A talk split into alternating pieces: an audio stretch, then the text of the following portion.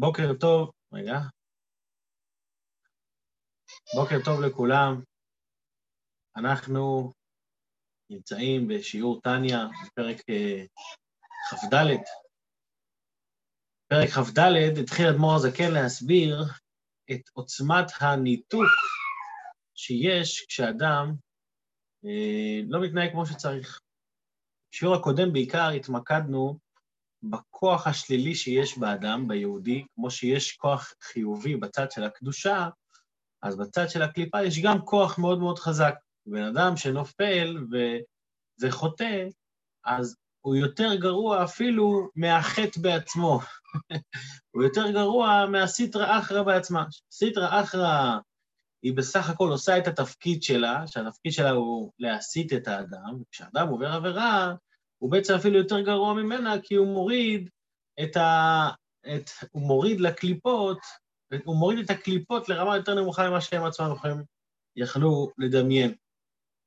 זה בעצם הנקודה של כל uh, עבירה ועבירה שבן אדם עובר, שהיא בעצם מבטאת את המציאות של האדם ואת עצם זה שהוא מרגיש וחש תחושה של מציאות עצמאית, וכאן בשיעור של היום, אדמו"ר הזקן ממשיך את הנקודה הזאת ומסביר בעצם מה, מה, מה בעצם ההמשך של הדבר הזה, מה ההמשך של העניין הזה, איכשהו, איך, איך אנחנו מסוגלים ליפול כל הזמן. למה האדמו"ר הזקן בעצם מסביר לנו את זה כאן? כדי שאנחנו נוכל להבין שלכל אחד מאיתנו יש איזה שהם אה, גבולות, איזה שהם קווים אדומים שאותם הוא לא מוכן לעבור, והקווים האדומים האלה הם נורא חזקים אצלנו, שאנחנו מוכנים אפילו למסור נפש עליהם. אז לכל אחד הקווים הם קצת אחרת, כן? אחד, אחד הקו האדום אצלו, דיברנו על זה גם בעבר, שאחד הקו האדום אצלו הוא כשאתה אומר לי להמיר את דתי, עבודה זרה, אז אני מוסר נפש. אצל אחד קו האדום הוא יותר נמוך, הוא יותר, אפשר לקרוא לזה אולי יותר גבוה, שעל דברים קטנים יותר הוא כבר אומר, אני מוכן למסור את הנפש. כל אחד מציב לעצמו את הקו האדום שלו. אדמו"ר זקן רוצה להסביר לנו בפרק כ"ד, וגם אחר כך בהמשך בפרק כ"ה, שככל שנבין שהקו האדום הוא בעצם בכל עבירה קטנה, אז אנחנו נוכל להרחיב את הקווים האדומים שלנו, ואנחנו לא נצטרך להילחם עם עצמנו על כל דבר קטן... ברגע שהקו האדום שלנו הוא נורא נורא רחוק, אז כל דבר קטן פחות תופס אצלנו מקום, אנחנו מרגישים שזה דבר קטן. אבל כשאנחנו מרחיבים את הקווים האדומים, אנחנו מבינים שגם אה, גם לאכול כמו בן אדם, גם על דבר כזה צריך אה, למסור נפש, וגם על להתנה, לדבר כמו בן אדם צריך למסור את הנפש. אז כל דבר ודבר, אנחנו מחוברים שם במאה אחוז, בגלל שאנחנו יודעים שאנחנו יכולים להיות מנותקים גם במאה אחוז.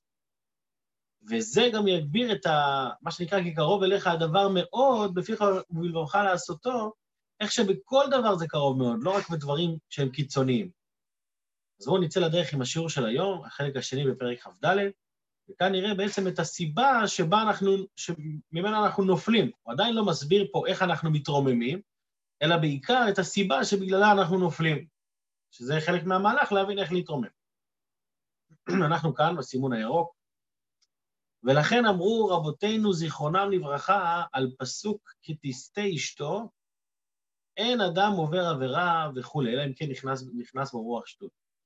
כתוב, איש כי תסטה אשתו, זה הלכות סוטה, יש מסכת שלמה בגמרא, מסכת סוטה. מסכת סוטה בגמרא נכתב בכלל עם, אה, עם סמך, ובפסוק בתורה זה נאמר עם סין, עם אה, שין שמאלית. למה זה נאמר עם סין? אמרו על זה חכמים, מה זה הסין הזאת? זה בעצם בשביל להגיד לנו שיש פה גם סוג של שין. מה זה תסטה? זה לא רק תסטה מדרך האמת, לשון סטייה, אלא גם מלשון שטות.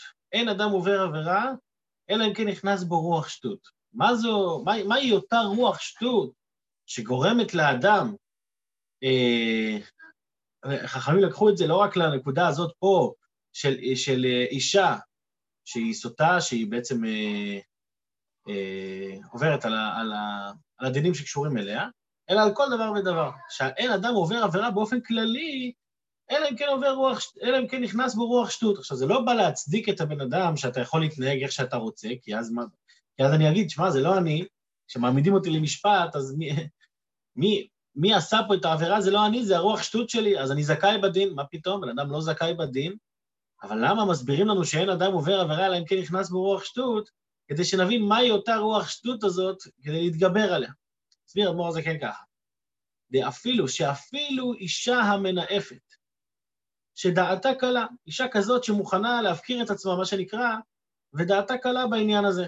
אז גם אותה אחת הייתה מושלת ברוח תאוותה, לולא רוח שטות שבה. המכסה ומסתיר ומעלים את האהבה מסודרת שבנפשה האלוקית. זאת אומרת שגם אישה כזאת שנופלת בדבר כזה, הכוונה פה, הדוגמה פה היא על אישה כזאת, אבל על דרך זה גם בכל דבר ודבר אצלנו, הרי אם היא הייתה מבינה שעל ידי הדבר הזה היא מתנתקת לגמרי מהאלוקות, אז היא לא הייתה נופלת. הרוח שטות, מה זה רוח שטות? רוח כזאת שאומרת, תשמע, אתה לא באמת מתנתק, אתה לא באמת מתנתק מהאלוקות, אתה עדיין נשאר מחובר, לא משנה מה עשית, שזה גם, יש בזה סוג של אמת גם, כן? לא משנה מה יהודי עושה, הוא תמיד מחובר, אבל אם היא הייתה יודעת שהיא הייתה מתנתקת בדיוק באותה רמה כמו שהיא עובדת עבודה זרה, יכול להיות שהייתה מתנהגת אחרת. אז הרוח שטות מכסה ומעלים על, ה, על האמת. הרוח שטות הזאת היא גם מטה אותנו כבני אדם כל הזמן לעשות לעצמנו שיקולים של, של כדאיות, של רווח, של תועלת, שאנחנו בעצם מאבדים את, ה, את הראש בגלל השיקולים האלה. זאת אומרת, כשבן, כשבן אדם, בן אדם עושה משהו, אפילו, עזבו רגע מבחינה, מבחינה דתית, אפילו מבחינה ש, שאתה בא ואתה אומר איזו יציאה על מישהו במקום העבודה, ואתה עכשיו אה, פגעת בו. אותו בן אדם עכשיו נפגע, נעלב מול כולם, ואתה אומר לעצמך, מה כבר עשיתי? בסך הכל אמרתי מילה, תזרום, מה אתה נפגע? אומרים לך, תשמע, אתה פגעת בבן אדם, מלבין אה, פני חברו ברבים, אינו חלק העולם הבא.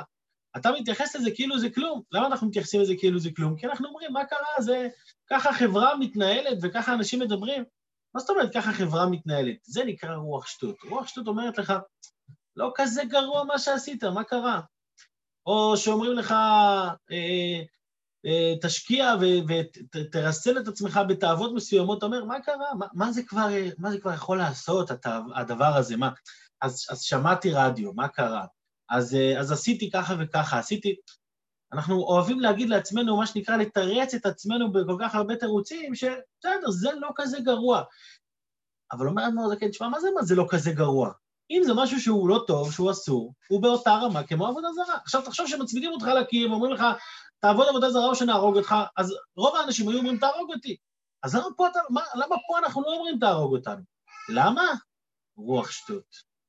רוח שטות הזאת אומרת, זה לא, זה פחות, אה, זה, זה פחות גרוע, אבל זה לא פחות גרוע. זה מה שהאדמו"ר הזה כן מנסה ללמד אותנו כאן.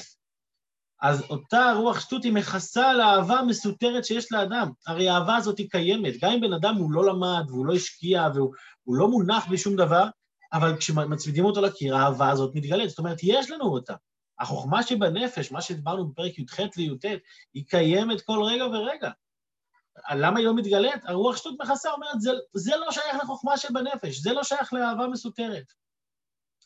האהבה המסותרת הזאת, מה היא רוצה? חוזר פה אדמו"ר הזקן על נקודות מפרק י"ט, לדבקה, אני ממשיך לקרוא בפנים, לדבקה באמונת השם, וייחודו ואחדותו, ולא להיפרד חס ושלום מאחדותו. אפילו נוטלים את נפשה ממנה לעבוד עבודה זרה חס ושלום. הבן אדם היה מוכן למסור את נפשו כי הוא רוצה לדבוק בהשם, הוא לא רוצה להתנתק. עכשיו, לא רק שאפילו, לא רק שהיו אומרים לו לעבוד עבודה זרה, אלא אפילו בהשתחוואה לבדה, בלי שום אמונה בלב כלל, רק, רק תעשה כאילו, רק בשביל התדמית. גם זה בן אדם אומר, אני מוכן למסור את הנפש. עכשיו, מה, מה הכוח שלך? הכוח שלך הוא למסור את הנפש. אז, אז למסור את הנפש כן, אבל להגיד לעצמך לא, זה לא. לכן אומר אדמו"ר זקן, וכל שכן לכבוש היצר, ותאוות הניאוף, שהם איסורים קלים ממיתה, השם ישמרנו. מה, בן אדם בסך הכל צריך לשמור על עצמו, לא, לא להשליך את עצמו לכבשן האש. אז אותה אישה, שכתוב עליה בפסוק, היא תסטה אשתו, ההפרע, למה היא באמת לא, לא, לא מתעקשת? איך היא בכל זאת נופלת, תסטה? וההפרש שאצלה בין איסור ניאוף לאיסור, לאיסור השתחוואה לעבודה זרה, הוא גם כן רוח שטות. זאת אומרת, יש שני, שני רוח שטות.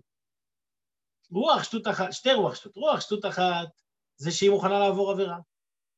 אם היא הייתה יודעת שהעבירה הזאת, אה, אה, כאילו, עצם זה, עצם זה לעבור על איסור של הקדוש ברוך הוא, זה כבר רוח שטות, זה צריך משהו שיעלים על האמת. והרוח שטות השנייה זה החשבון הזה. לא, זה, אומנם אני יודע שזה עבירה, אבל זו עבירה פחות חמורה. העונש על זה הוא יותר קל. מה זה משנה עכשיו העונש? אתם זוכרים, בטניה אמרנו, זה לא אבי עכשיו. בטניה זה מה, מה האמת? עונש, לא עונש, לא, אף אחד לא מסתכל עכשיו על הגיהנום שלך, אם הוא יהיה גיהנום של אש, גיהנום של שלג, מסתכלים האם אתה מנותק מהקדוש ברוך הוא או לא. ולכן, גם החשבון הזה של עבירה יותר, עבירה פחות, זה כבר רוח שטות השנייה שעוברת על האדם. אז כן, ההפרש שאצלה בין איסור ניאוף לאיסור השתחווה לעבודה זרה הוא גם כן רוח שטות לקליפה, המלבשת לנפש אלוקית. זאת אומרת, כל הנפש האלוקית מלובשת באותה רוח שטות, אבל הרוח שטות הזאת לא מגיעה בכל מקום. עד איפה היא מגיעה? עד בחינת חוכמה שבה. ולא עד בכלל. זאת אומרת שבנקודת החוכמה, באמת, שם אי אפשר לגעת. איך אני יודע שאי אפשר לגעת? כי אם אומרים לך עבודה זרה ומעמידים לך את האמת מול הפרצוף, אתה באמת תהיה מוכן למסור את הנפש. למה זה ככה? מפני אור השם המלובש בחוכמה כנ"ל. שם האור הוא בגילוי, מה שנקרא אור החוכמה זה מה שאנחנו קוראים האינסטינקטים. האינסטינקטים שלנו הם כל כך פנימיים, שלא משנה כמה אתה תעשה הסברים לעצמך, בסופו של דבר יש את נקודת האמת, ששם אתה לא יכול להתחמק מעצמך. שזה בעצם הקו האדום, מה שנקרא, קו האדום התחתון. שם אתה אומר, אני לא יכול, אני כבר, אני כבר לא יכול להיות נפרד. זה החוכמה שבנפש. אבל, אומר אדמו"ר הזקן, האמת היא, ש... האמת היא שהחוכמה שבנפש אמורה להיות בכל פרט, לא רק בקיצוני, וזו העבודה שלנו. אבל באמת לאמיתו, אפילו עבירה קלה, הרי העוברה עובר על רצון העליון ברוך הוא. אם עברת על רצון העליון ברוך הוא, והוא בתכלית הפירוד מייחודו ואחדותו יתברך. אתה לגמרי מנותק במאה אחוז. יותר מסטרא אחר וקליפה נקראת אלוקים אחרים. ועבודה זרה ממש. כמו שאמרנו בשיעור הקודם, שאתה אפילו יותר גרוע, כי היא עושה את התפקיד שלו, ואתה יוצא נגד הבורא.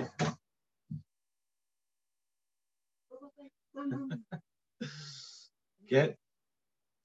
ויותר מכל הדברים הנשפעים ממנה בעולם הזה, שהם בהמות, טמאות, וחיות ועופות טמאים, ושקצים ורמסים. זאת אומרת, אפילו הבריות הנמוכות ביותר, גם הם עושים את התפקיד שלהם בסוף.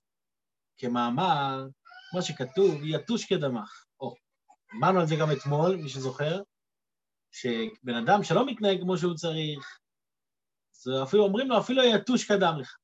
כאילו, מי אתה בכלל? אל תעוף על עצמך. ואתה לא מתנהג כמו בן אדם, אז אתה לא ראוי, אתה לא ראוי שיקראו לך בן אדם. פה, פה אדמו"ר הזקן מוסיף פה אפילו בדוגמה הזאת. מה הוא מוסיף? הוא אומר, למה דווקא כתוב יתוש? למה לא כתוב, אה, לא יודע מה, זבוב כדמך, או דבורה, או שועל, או אריה, לא יודע מה, למה יתוש, דווקא יתוש? זה גם, זה גם מכוון, יש בזה גם עניין. מה העניין? היתוש, יש לו תכונה מסוימת, היתוש מסמלת פה בעניין שלנו את הקליפות. לא שהיתוש היא משהו רע, אבל היתוש מסמל את הקליפה. למה הוא מסמל את הקליפה? כי בקליפות עצמם יש כמו בקדושה, שהקדושה משפיעה השפעה, השפעה של חסד, השפעה של גבורה, גם קליפות יכולות להשפיע השפעה. אמרנו גם על נפש הבעמית, שהיא בקליפת נוגה, שממנה גם מידות טובות שבטבע כל ישראל. זאת אומרת, יש מציאות שקליפה יכולה להשפיע משהו טוב. אצל היתוש אנחנו רואים שהוא לא מוכן להשפיע שום דבר. איך אנחנו רואים את זה? יתוש הוא מכניס ואינו מוציא. הוא מוצץ את הדם, אבל הוא לא, אין לו אין לו, אין לו יציאות, ולכן התוחלת חיים של הזבוב היא קצרה. אני לא... אה, אולי, אולי יש כאלה שיותר מבינים פה בעניין של הביולוגיה של היתושים, שאולי חוקרים את זה ועברו מבחנים עכשיו, בדיוק בתקופת המבחנים, ובמקרה נמצאים איתנו בשיעור, אולי יכולו להסביר להם את זה יותר טוב. אני לא, איך קוראים לזה? אה, ביולוג, איך קוראים למי שמתעסק עם יתושים? שחר. בכל אופן, היתוש, היתוש הוא הוא בולע, הוא לא מוציא שום דבר. בקליפה יש קליפות ש, ששואבות אנרגיה חיובית ומשפיעות אותה הלאה. יש אבל קליפות שהן רק שואבות, רק תן לי, לא מוכן להוציא ממני כלום. לכן הם, מתים מהר, כי הוא מתמלא מתמלא עד שהוא מת. כמו שהם מכירים את הסיפור עם אה, נבוכדנצר, שהוא התגאה, שהוא הצליח להחריב את מקדשו של אלוקים. הקדוש ברוך הוא אמר לו, תשמע, אתה, אתה מסתלבט, אתה, אתה בעצמך תסבול מהבריאה הכי קטנה שלי, נכנס לו יתוש לאף, ומצאת לו את הדם שם בתוך הראש, התנפח לו עד לממדים אדירים, עד שהוא נהרג מזה. זאת אומרת, הוא מכניס ואינו מוציא, הוא לא מוכן להוציא שום דבר. זה, זה בקליפה, הדרגה הכי נמוכה בקליפה, שהיא אפילו לא מוכנה לתת מעצמה כלום. ואומרים לאדם שלא מתנהג כמו שצריך, אתה יותר נמוך מהקליפה הזאת. כי היא, אותה קליפה של היתוש, היא בעצם עושה את התפקיד שלה. נכון שזה קליפה ושזה מנגד ושזה מציאות עצמאית והכול, הכל טוב ויפה, אבל זה התפקיד שלה. וכשאתה מנגד, אז אתה, אתה הולך הפוך מהתפקיד שלך ואתה אתה שובר את הצד של הקדושה הרבה יותר חזק. אז זה, לכן דווקא משתמשים במשל הזה ביתוש, משתמשים במילה יתוש. פירוש, בואו נראה את המילים של האדמו"ר הזה כן. אף יתוש שמכניס ואינו מוציא, שהיא קליפה יותר תחתונה ורחוקה מבחינת הקדושה המש, המשפעת בתכלית הריחוק, שההשפעה שלה היא כל כך רחוקה שהיא אפילו לא מוכנה להוציא, גם היא, גם הוא, הקליפה הזאת קודמת לאיש החוטא בהשתלשלות וירידת החיות מרצון העליון ברוך הוא. וכל שכן, אם כזו קליפה היא יותר, היא קדמה, כל שכן שאר בעלי חיים הטמאים, ואפילו חיות רעות, שכולם אינם משנים תפקידם ופקודתו יתברך, שמרה רוחם. בסוף הם עושים את התפקיד שלהם. ואף על גב דהילו חזי וכולי, יש פה תוספת שאדמור זה כן מוסיף פה, למה הוא מוסיף את המשפט הזה? כדי להגיד, שמע, הבהמה, למה אנחנו לא רואים אצל הבהמה שהיא אידיאליסטית? שהיא עושה דברים עם כוונה, הבהמה היא לא אידיאליסטית, היא עובדת מתוך אינסטינקטים. האינסטינקטים שלה הם אינסטינקטים של מילוי התפקיד שלה. מה שנקרא, היא עושה, היא עושה בטבע מה שטוב לה. היא לא ממציאה סיגריות, והיא לא משתמשת בחד פעמי, היא רק דברים מתכלים והכול. למה? כי אצלה זה טבוע, היא לא, היא לא עושה את זה מאידיאל. בן אדם שהוא ככה מחליט שהוא טבעוני והוא רוצה להיות יותר טוב ויותר uh, מועיל לעולם ויותר ירוק, אז זה אידיאל. בהמה לא עושה את זה מאידיאל, היא עושה את זה בטבע. זה מה שאדמו"ר זקן אומר, אף על גב דאיו לא חזי, אפילו ש, שהבהמה לא, לא מרגישה את זה שהיא עושה את התפקיד שלה, אבל היא עושה את זה באינסטינקט. הבן אדם, לעומת זאת, שיש לו בחירה, שיש לו אינטליגנציה יותר עמוקה משל בהמה, אז אצלו זה בחירה. כמו שכתוב, אני אמשיך לקרוא, וכמו שכתוב, ומוראכם וחיתכם יהיה על כל חיית הארץ. למה, למה האדם, למה החיה מפחדת מהאדם? בגלל שלאדם יש צלם אלוקים עליו. וכפירוש רבותינו זיכרונה לברכה, שאין חיה רעה מושלת באדם, אלא אם כן נדמה לה כבהמה. מתי, מתי החיה לא מפחדת שהיא רואה שהבן אדם מפחד ממנה? זה מה שתמיד אומרים. זאת אומרת שבן אדם לא מתנהג כבן אדם, אלא בן אדם מתנהג כמו, כמו בהמה, אז בעצם הוא יותר נמוך מהבהמה, ולכן היא גם לא מפחדת ממנו, כי, כי היא מרגישה את העליונות שלה. באינסטינקט היא לא מפחדת ממנו. מה זאת אומרת? אני, אני את התפקיד שלי, מי אתה בכלל? אם, אם היינו יכולים לשמוע את הבהמות, יכול להיות שהיינו שומעים אותם אומרים, יא בן אדם שכבודך. כמובן ש, שלא. והצדיקים, איפה אנחנו רואים ביטוי לזה שהבהמה מפחדת מהאדם? אצל צדיקים. הצדיקים שאין צלם אלוקים מסתלק מעל פניהם, כל חיות רעות יתקפיין כמהו, הם כופים את עצמם כלפיהם, הם, הם מסתתרים כשהם רואים אותם. כמו שכתוב בזוהר, לגבי דניאל בגובה האריות, שאנחנו רואים שדניאל נכנס לגובה האריות, והאריות קשקשו בזנב לידו. למה? כי הם הרגישו את הצלם אלוקים שבו, שנמצא עליו באופן תמידי. אצל כל אחד מאיתנו לא בטוח שזה יעבוד, כן? מה שנקרא, אל תנסו את זה בבית, לא ללכת עכשיו לגן חיות לקפוץ לאיזה כלום, לא, כי הצלם אלוקים שלנו לא בטוח שהוא נמצא בהתגלות. אצל צדיקים, כן.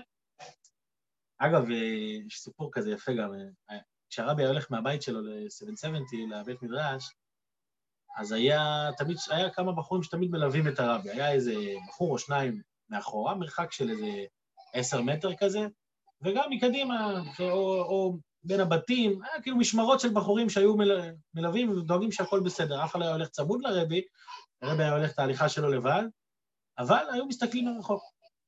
פעם אחת היה בחור אחד, שעמד על זווית של, רחוב, של פינה של רחובות, והוא ראה שהרבי מתקרב לזווית, ומצד השני של הזווית, של הבניין, אה, הולך בן אדם עם כלב ככה אימתני, משהו שנראה מפחיד ממש, והוא היה, הוא, הוא היה יותר מדי רחוק, שלא לא הספיק, הוא, הוא ראה שהוא לא יספיק להגיע, לה, להגיד לרבי לעצור, לא יודע מה, והוא רואה את הנקודת מפגש ממש. איך שהרבי מגיע לפינה, אז הוא רואה ככה, מספר, אני לא, לא זוכר עכשיו מי סיפר, פעם שמעתי את זה בהתוועדות. איך שהרבי הגיע לפינה, הכלב הענק והאימתני מתיישב, מקשקש בזנב. הרבי ממשיך לעבור, והוא ממשיך להתקדם. זאת אומרת שאצל צדיקים שאצלם הצלם אלוקים מגיע בגלוי, אז גם החיות מבינות את זה.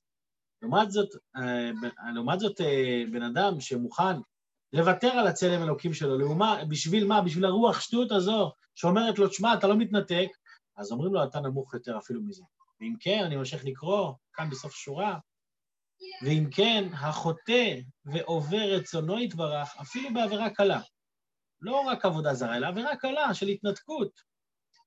בשעת מעשה הוא בתכלית הריחוק מקדושה העליונה, שהיא ייחודו ואחדותו יתברך. יותר מכל בעלי חיים הטמאים ושקצים ורמסים, המושפעים מסטרא אחרא וקליפת עבודה זרה. אז במה התקדמנו היום באמת על פני אתמול? אתמול דיברנו בעיקר על הריחוק של האדם שנעש, שהוא, שנעשה על ידי, על ידי שהוא עובר עבירה.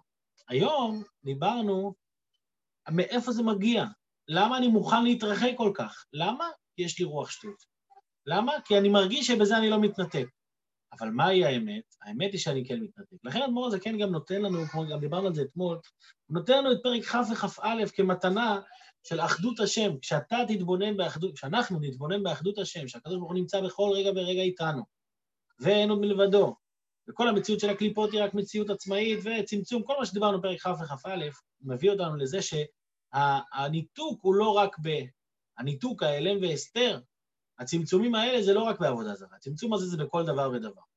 כל דיבור קטן, כל מחשבה קטנה, כל מעשה קטן, וכל פרט ופרט, אז יש את הנקודה הזאת.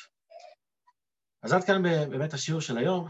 בעזרת השם בשיעור הבא אנחנו נסיים את הנושא הזה של הניתוק, ואז בפרק כ"ה כבר נעשה סיכום של כל הנושא של איך, איך באמת להפעיל, לא רק מה המציאות, אלא איך מפעילים את האהבה מסותרת בכל פרט ופרט. שיהיה כולנו בינתיים יום נפלא, יישר כוח לכולם על ההשתתפות, בשורות טובות. יישר כוח גדול, יום נעים, יום טוב. כוח, יום טוב.